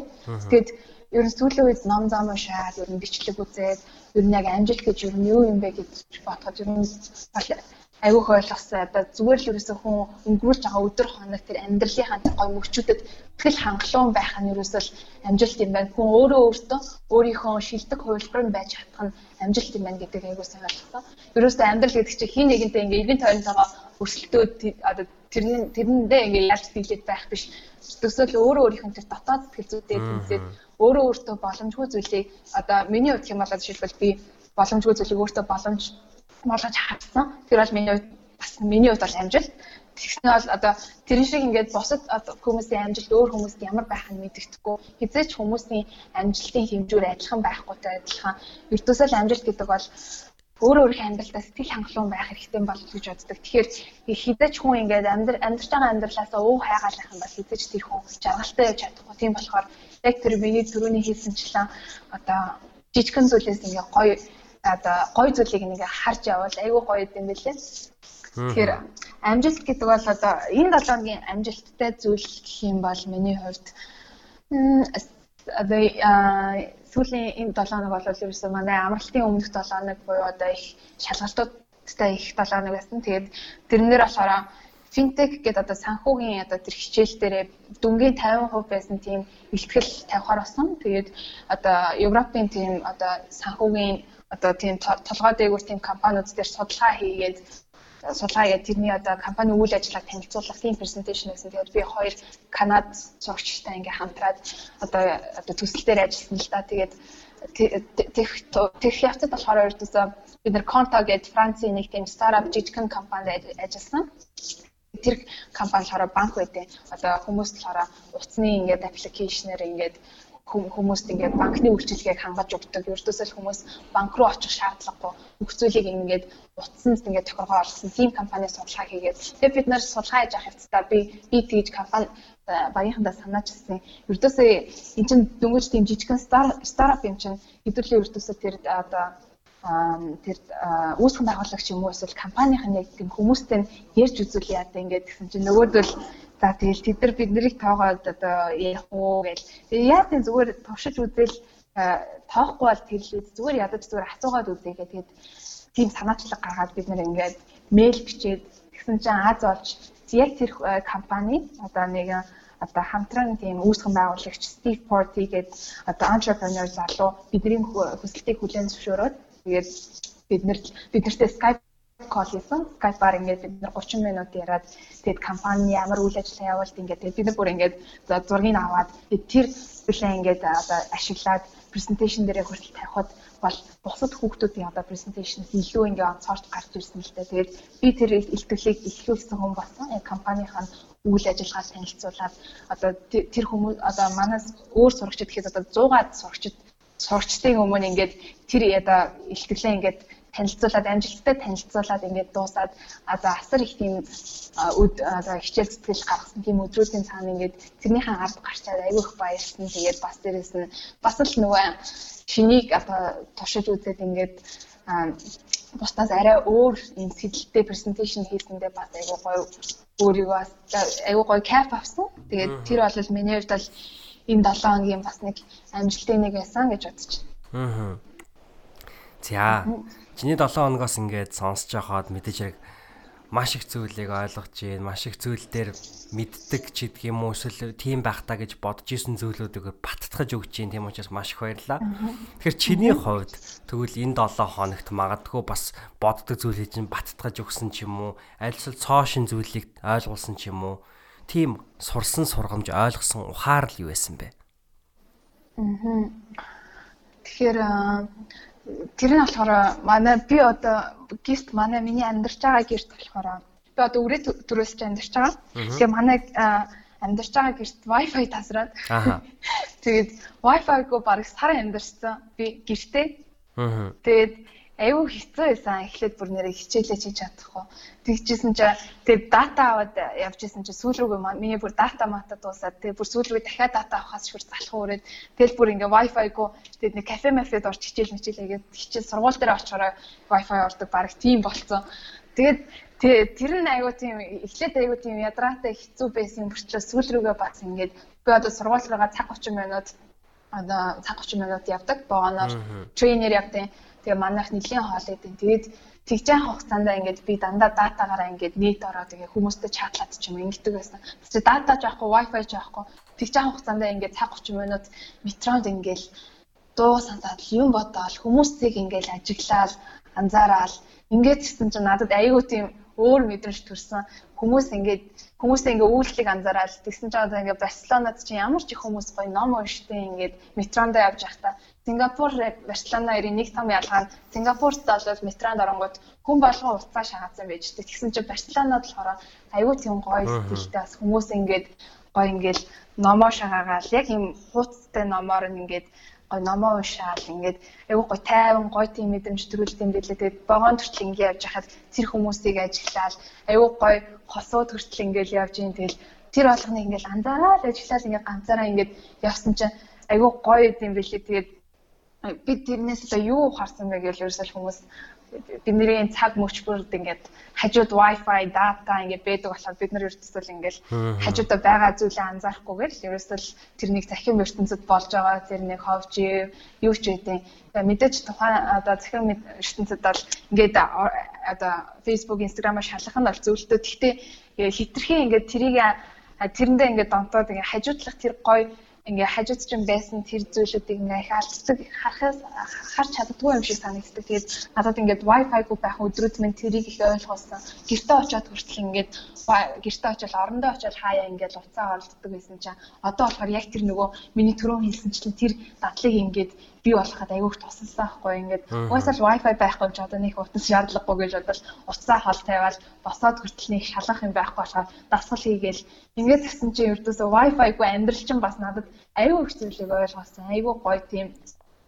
Одоо миний яг тэр хүрээлэн байгаа орчин гэдэг чинь өөрөөсөө амхээр гоё үзэсгэлэнтэй байсан юм байна. Барселона өөртөө ямар гоё үзэсгэлэнтэй байсан бэ гэдгийг илүү сайн ингээ ойлгож хэлж байгаа юм чинь. Тэгэхээр хүмүүст бол бас нэг зөвлөж хэлэх зүйл бол нэгдүсэл ядаж хитэн цаг хийж хамаагүй зүгээр л wifi бүх юмаа унтраагаад хажуудаага хайртай хүмүүстэйгээ хажуудаа байгаа тэр газар орчноо мэдрээд өөрөө өөртөө одоо өөрөө өөртөө тийм одоо хөрөнгө оруулалт хийгээд ердөөсөө яг орчинтойгоо 100% ингээд цогцоод гоё ингээ орчноо мэдрээд ингээ гоё байж үзээрэй гэж хэлмээрээ. Ерөөсөө л өөрийгөө өстө Wi-Fi гоо гээл төсөлч. Эхлээд айгүй надад хэцүү байсан ингээд Wi-Fi гоо гэхээр одоо одоо нэг өдөр яана одоо хоёр өдөр яаж Wi-Fi байна гэсэн чинь нэг мэдсэн чинь нөөц ч одоо цар Wi-Fi гоо болсон. Тэгсэн мөртөө одоо харин ч бүр тэр Wi-Fi гоо одоо өдрүүд минь надад илүү гоё ингээд нэх яг л тийм бодит байдалтайгаа илүү гоё эвлэж гоё гоё юм одоо мэдрэмжүүдийг надад айгүй хөгсөн. Тэгэхээр Тэр бол миний 7 хоногийн тэнцлэг бүр энэ өнгөрсөн сарын бол аягүй том дурсан сургамж байлаа. Аа. За маш гайхалтай хариулт байна. А үүн дээр магадгүй би зөв ганцхан зүйл одоо нэмээд хэлэхэд болохоор а яг одоо өчигдөр би чамд хэлсэндээ нөгөө бид аяллаар явж исэн гээд аяллаар явж исэн учраас хоёлаас подкастыг ярилцах энэ ярилцлага хойшлох шаардлагатай болсон гээд тэгээд оянга маш одоо уянхтан байсан. Тэгээ зөвөр энэ дээр одоо ингээл найзуудтайгаа бид хэд намрын зүгээр навчнуудын өнгө яаж солигдсныг л өндөр дээрээс харах гэж явсан аялал ахгүй. Тэгэхээр нэг тэгж хол бол аялаагүй. А гэтээ нэг шөнөөр яваад бид нар хав харанхууд очоод тэгээ би найзханд ойлж ирсэн. Энэ бол маргаашийн нар руу аялж байгаа аялал. Ягаад тэгэхээр бид нар хав харанхууд аялж байгаа аялалтаа очоод маргааш өглөө нь нарыг харж байгаа гэд. Тэгээд өглөө ингээд нуурын ирэг дээр бид нар ингээд очиж хонсон. Тэгээ ингээд нууран гол нэг хав харанхуучаас харагдахгүй. Тэгээ өглөө нар мандлаа. Тэгсэн чинь ингээд нуур нь бүр үзүүр нь харагдахгүй ингээд нуур ингээд бид нарыг одоо юу гэдгийг бид нар тэр нууранд сэрж байгаа. Тэгэл бид нэр хамгийн гол нь нэг хол явъя гэж бодоагүй. Зүгээр л яг л одоо чиний хэлж байгаагаар энэ одоо мэдээлэл технологи янз бүрийн юмнасаа төр татгалзаад тий зүгээр сайхан байгальтайгаа эргээд холбогдъё гэдэг юм аялал байсан. Тэгэхээр магадгүй чи хэд хоёрын зүгээс ч гэсэн энэ подкастыг сонсож байгаа хүмүүстээ урайлахад те бас ойрхон аялалд гараад ялангуяа аялалд гарахдаа гар утсаа янз бүрийн зүйлүүдээ бүр унтраагаад бүх юмнаас тусгаарлах нь хэцүү юм болов уу гэж бодоод. Харин тэр тэр бол үнэхээр гоё юм байна. Одоо жишээлбэл энэ 7 хоног одоо миний амралтын 7 хоног эхэлж байгаа. Тэгээд би одоо яг ойр хавийн усууд руу аялах гэж байгаа л да. Одоо Испани хөш орон Испани хөш орон Францын Парис хот руу ингээд аялаа цаашаа Бельги руу ингээд аялах гэж байгаа. Тэгээд тухайн үед болохоор би айгүй их тийм одоо уцснаас илүү хол ингээд яг гоо ингээ өөрийгөө ингээ таньж мэдээд тийм цагийг өнгөрүүлэх гэж бас өөртөө зорилго тавьсан байгаа. Тэгэхээр зүгээр л гоё аялаад ингээд жоохон сошиал медиагаас жоохон хол байгаад ингүүл айгүй гоё юм билээ. Тэгээд бас сонсогчдоо ч гэсэн хандаж хэлхийж өөртөөс нэг тийм одоо хитэн хоног бас өөртөө зориулаараа гоё. Ерөөсөө л утас сошиал медиа wifi юу гэдэг бүх юмаа ингээд жоохон холуур тавиад ерөөсөө л өөрөө өөртөөгөө эсвэл хайраа хайртай хүнийгээ хайртай үнтэйгээ гоё цагийг ингээд өнгөрүүлээд тийм одоо өдрүүдийг бас өнгөрүүлэхийг хичээгээрэй гэж э, зөвлөмөр байна. Аа. Тэлэг ах. За энэ хүрээд Ямин 8 подкастын маань одоо 8 асуултын сүүлдэх асуулт буюу одоо нууц асуулт гэж хэлдэг асуултан дээр хүрээд ирсэн байна. Тэгээд энэ асуултыг болохоор би илүү ингэж хэлье гэж бодож байна л да. Чиний item нэвтрүү вебсайтд өгсөн энэ хүү ярилцлага бол яалтчихөө гайхалтай ярилцлага байсан. Аа би энэ асуултаараа тэрхүү ярилцлагын магадгүй үргэлжлэл болсон нэгэн хариултыг чамаас авахыг хүсэж байна л да. Тэр нь юу гэхээр энэ ярилцлагын гарчиг нь юу байсан гэхээр залуус санхүүгийн биш мэдлэгийн хоримтлалтай болоосой гэдэг юм гарчигтай байсан те. А чи гэхдээ үүнийг маш тодруулж одоо хэлсэн байсан. Мэдээж хэрэг санхүүгийн хамрал уучлаа санхүүгийн хоримтлал те. Энийг болохоор санхүүгээс санхүүг битгий бод гэж байгаа юм биш. А чиний хэлж байгаагаар болохоор мэдлэгийн хоримтлал боловсролыг дагаад санхүү гэдэг бол мөнгө санхүү гэдэг бол одоо үүний одоо by product буюу дагаж ирдэг зүйл юм а гэдэг ийм санаа хэлсэн те. Тэгвэл мэдлэгийн хоримтлалтай болчлоо гэдэг мэдлэгийг хоримтлууллаа те. Тэгэхээр хоёулаа би энэ асуултыг энэ 7 хоногт уянгагийн хувьд маш их одоо контентийг хүлээж авч те а маш их зүйлийг мэдэж авсан гэж бодож чинь тодорхой мэдлэгийг хоримтлуулсан. Тэгвэл эргээгээд уянгаа гэдэг хүн энэ 7 хоногт хийгээд ерөнхийдөө амьдралдаа яг энэ мэдлэгийг хэрхэн одоо газар дээр буулгаж хэрхэн хэрэгэлдэг вэ? Өөрөөр хэлбэл мэдээлэл мэдлэгийг хэрхэн одоо бүр wisdom буюу бүр эрдэм оюун те ухаан болгон хувиргадаг вэ гэж чамаас асуухыг хүслээ. Мм за. Ерөнхийдөө бол аа би бол айгүй их тийм ном унших дуртай. Одоо ялангуяа ямар ном унших дуртай вэ гэхээр ердөөсөл хүмүүсийн тийм одоо амжилтанд хүрсэн хүмүүсийн түүхийг ингээд сонсох сонсох дуртай л да. Одоо жишээлбэл Elon Musk байна. Одоо Сингапурын хосоо өмнө хүртэл Lee Kuan Yew-ны одоо юм өөрийнх нь номлыг хүртэл уншижсэн. Ингээд олон хүмүүсийн түүхийг уншаад Тэгээд тэгэнгүүт өртөөсөл ингээд яг нэг юм олон хүний амьдралаар амьдэрсэн юм шиг аягүй санагддаг надаа ингээд тэр хүн ийм алдаа гаргасан юм байна. Тэр хүн тэр алдаан дээр ингэж суралцаад ингэж өшөө ингэж хичээж хичээж хичээж тийм амжилтанд хүрсэн юм байна. Тэрнийхэн дараа дахиад унсан юм байна гэл аюу тийм их зүйлийг ойлгодог. Тэгэд ингээд олон хүмүүсийн намтар уншсны эцэст би ерөөсөл нэг сонио их зүйлийг ингээд олон амьдралаар амьдрсан хүн чим шиг хаяа ингээд санагтаад байдیں۔ Тэгэхээр би ерөөсөө тэр олсон мэдлэгээ болохоор ердөөсөө тэр яг тэр алтартай хүмүүсийн тийм туусан замнал тэр алдсан алдааг ердөөсөө өөр төрөө тусгаж аваад одоо өөрийнхөө амьдрал дээр одоо би одоо янз бүрийн юм хийлээ гэхэд тэр хүн ингэж тийм алдаа гаргасан эсвэл тэр хүн тийм юм хийгээд тэгэж амжилтанд хүрсэн байна. Тэгвэл би тэгж явж авах юм байна гэд ердөөсөө өөрөө оролдоод өөрөө яг тэр хүмүүс шиг тэгсэн мөртлөө өөрийн гэсэн тийм бантанг нь утгаад өөрийн гэсэн тийм одоо намтартай өөрийн гэсэн тийм амжилтын жортой болохыг аягүй хүсдэг. Тэгэхээр миний бодлоор сурах авах гэхийн ухаанаар хандаад сурах зүйлээс сураад тэгээ хамгийн гол нь тэрийгээ өөртөө аягүй тийм тунгааж бодож агаад өөрийнхөө амьдрал дээр өөрийн арга барилаа яг өөрийнхөө туршлагаар ингээд туулж мэдээд яг одоо хэрэгжүүл хэрэгжүүлэхийг аягүй хичээдэг. Тэгэхээр миний бодлоор хүн болгон өөрийн гэсэн туршлагатай байдаг. Миний бодлоор мэдлэг гэхээсээ илүүтэйгээр миний туршлага хийж оролцсон хийж оролдох гэсэн одоо тийм хүсэл тэгээд хийсэн сонголтууд минь надад ямар ч ном ямар ч зүйлээс илүү миний тэр тархинд илүү их үлдсэн байдаг. Тэгэхээр миний бодлоор одоо залуустаа хэлэхэд одоо мэдлэг одоо сурсан зүйлээ одоо зүгээр мэдээд байхгүйгээр түүнийг хэрэгжүүлэхийн тулд зүгээр л алдсан ч хамаагүй оролдоод үзээрэй л гэж хэлмээр байна. Би бүр 100% онлын алд зүгээр л алдсан ч хамаагүй чи нэг юм дараа нь сурсан байна. Алдаагүй болол чи тэр үедээ өөрөөрөө бахарах нь алдсан ч чи өөрөөрөө бахарах нь яа тэгэл би ингээ айж суухын оронд би тэр зүйлийг хийгээд оролдоод үзсэн юм байна гэж эцээсээс тухайн үедээ боддгоо ч хэлээ дараа нь магадгүй нэг жилийн дараа магадгүй хэдэн сарын дараа эргээд тарахад чиний тархинд яг тийм зүйл үлдсэн байсан юм байлээ. Тэгэхээр миний миний бодлоор бол яг л миний бол амьдралдаа хамгийн гол баримтлагдаг зүйл бол ердөөсөл эргээд насны эцэст өөртөө харахад энийг хийдэг вэждээ гэдэг ингээд харамсаж суухын оронд ердөөсөл энийг хийсэн шүү би залуу наснда ингээд амжуулсан шүү ийм зүйл хийсэн шүү ийм зүйл дээр алдаж явсан шүү гэд ингээд явж авах тийм л одоо амьдралыг бүтээхийг яг өөх хөсдөг. Тийм болохоор яг л адилхан тэр ай санд ялцж байгаа адилаар зөвч бай буруу ч яа өөрийнхөө туршлагаас их зүйлийг сурд юм шүү. Тэгэхээр зүгээр л одоо ингээл эхлээд оройтсан гэж хизээж бити одоо одоо ингээ миний яриаг минь магадгүй сонсоод янз бүрийн нэг ч гэсэн зүйл сурсан бол зүгээр л хийж авахаас хийж авахаас ингээ айж ингэж төтгөлддөг байсан зүйлийг одооноос эхлээд хийгээд үзээрэй. Эхний эцэс чи ямар нэгэн зүйлийг заавал сурсан байх болно гэдэг би миний би яг өөрийнхөө одоо үдээ ингээд амьдралынхаа туршлагын үндсэн дээр бол би амлж чадна гэд амлж байна. За. Тэгээд уянгагийн ингээ яриаг бүр ярианы ингээ ихэнд хэлж исэн. Уянгаа ингээ нөгөө Сингапурт очиод компаниудын хаалгадад орж явахдаа ихэндээ бүр айгаа тэр коридорт ингээ эргэлдэж исэн те. Гэтэ сүүлдээ бол сүүлийн 2 3 компани дээр бол бүр ихтгэл дүүрэн болж исэн гэдэг жисэн. Үүнийг сонсоход бол надад юу бодогдсон бэ гэхээр нөгөө тархиа тасгалж болно гэдэг те.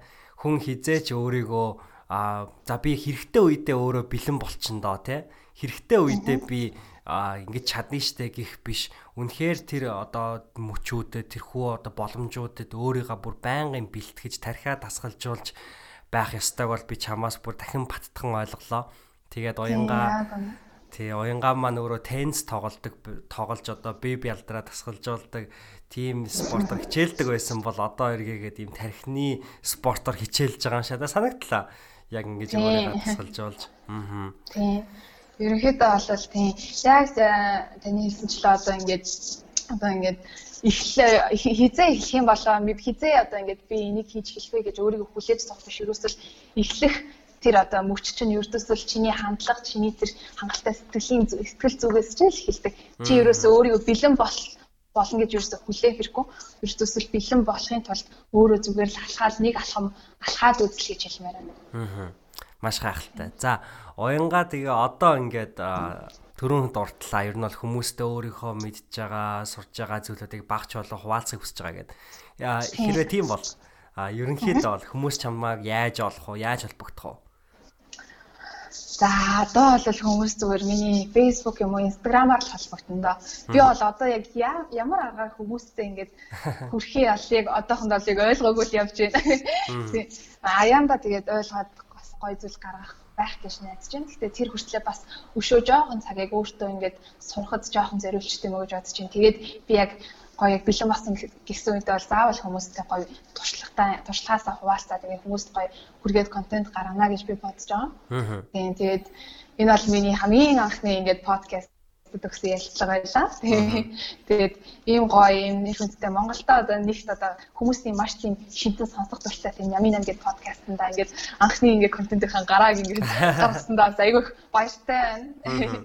Тийм тэгээд хүмүүс бол яг одоо надаас асуух зүйл байвал магадгүй зөв миний Facebook юм уу Instagram хуудасаар зочлоорой гэж хэллээ да. Тэгээд миний Facebook болоод Уянга бат гэж англиар бичээд гарч ирсэн. Аа. За. За тэгээд маш их баярлаа. Мэдээч хэрэг чамааг ч гэсэн бас өөрсдийнхөө подкастер зочноор авах бол төлөн дэр хүндтэй, туйлын сайхан маш их зүйлийг хамгийн гол нь чи манай сонсогч нарт маш их үн цэнийг өгсөн тий Gary Vaynerchuk-ийн бас хамгийн гол зүйл бол үн цэн өгөх байдаг дээ. Тэрийг бол чи 100% хийж чадлаа. Тэгээ тийм учраас чамд маш их баярлаа гэж хэлье. Тэгээ цаашдынх нь бүх зүйлд нь амжилт төсөе. Тэгээд чиний өмнө бол миний ингээ харж байгаагаар маш тийм адал явдалтай он жилд хүлээж авах шиг байна те. Жил болох өөр улс орнуудад суралцах учраас. Тийм тэгээ бүх тэр аяллууд нь бүх адал явдалт нь хамгийн сайн сайхан хамгийн сонирхолтой энэ бүх зүйлийг бас хүсье баярлаа. За баярлалаа. За.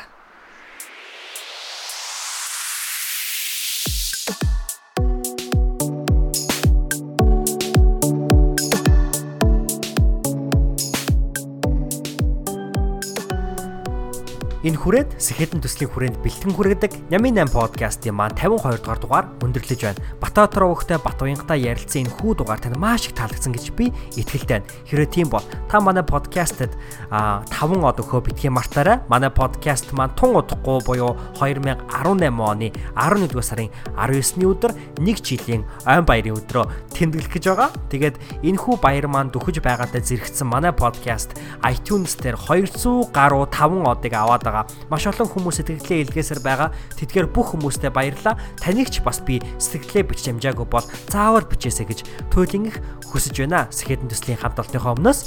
За тэгээд хэдүүлээ дараа дараагийнхаа гайхалтай дугааруудаар иргэн уулзцаая. Баярлалаа. Баяртай.